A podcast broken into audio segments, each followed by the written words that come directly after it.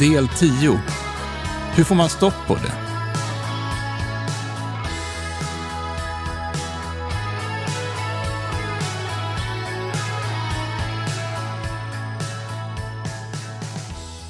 Okej, vi börjar kanske få ganska bra koll på vad inflation beror på, varför det blir hyperinflation och vad det får för effekter. Det vi inte gått in på, det är hur man blir av med hyperinflation. Eller kanske man snarare ska fråga sig, går det att bli av med hyperinflation?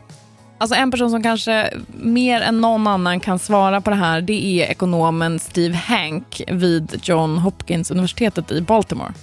I came at it through the hyperinflation through the back door in a sense because I I was very involved with currency reforms uh, with not only in Latin America. 1989 uh, så blir Steve Hank nämligen eh, uppringd. Det är Argentina som vill ha hans hjälp. Han blir rådgivare till president Carlos Menem.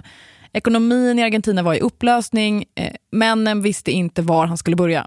And we talked about this when I met him the first time, and I, I said, Your problem is the hyperinflation. I said, No one believes that you can do anything because you can't stop the inflation. So you, you have no credibility. It's a credibility. Så Steve Hank säger till Carlos Menem att han innan han försöker göra någonting annat måste få bukt med hyperinflationen. Och för att övertyga presidenten så gjorde han saker ordentligt. Han skrev en bok eh, och så föreslog han en lösning. Skrev han en bok? Ja, han verkar gilla att göra grejer ordentligt.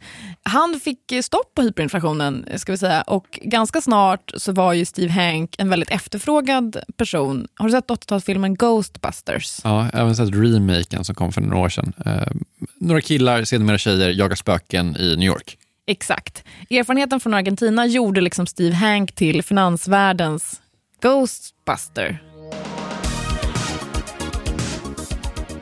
Han fick liksom åka runt från land till land och jaga inflationsspöken. Det låter ändå ganska kul. Eh, han åker till Estland som just har brutit sig loss från Sovjet. Sen åker han till Litauen, sen åker han till Bosnien. 1997 så har hyperinflationen brutit ut i Bulgarien. Steve Hank får ett samtal från president Petar Stojanov. Then the president Stoyanov called me and he said I'd like to appoint you as my chief advisor and and I and I want to do one of these currency boards to stop the hyperinflation.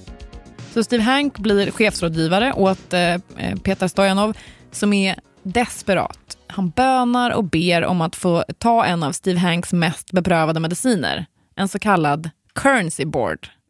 Översättning på det, en valutabräda, en valutastyrelse? Eh, det, kom, det, kommer klarna snart vad det här begreppet står för. Eh, vi har lärt oss att hyperinflation ofta börjar med att staten har slut på pengar, man är bankrutt. Skatteintäkterna räcker inte för att täcka statens utgifter. Ingen annan där ute i världen är så himla sugen på att låna ut pengar. Men det är inte det i sig som orsakar själva hyperinflationen. Every single one is different, but the source of the problem with hyperinflation is always the same. It's the budget. The budget goes out of control and, and, and they can't finance it with taxes, they can't issue bonds, and they go to the central bank, the fiscal authorities, and, and get credit from the central bank. The money supply explodes, and inflation is always and everywhere a monetary phenomenon. Hyperinflationen uppstår ju när staten som en sista desperat åtgärd tvingar centralbanken att trycka nya pengar för att kunna betala alla utgifter. Och om det är orsaken till hyperinflationen så är ju lösningen på en hyperinflation att få centralbanken att sluta tillverka pengar.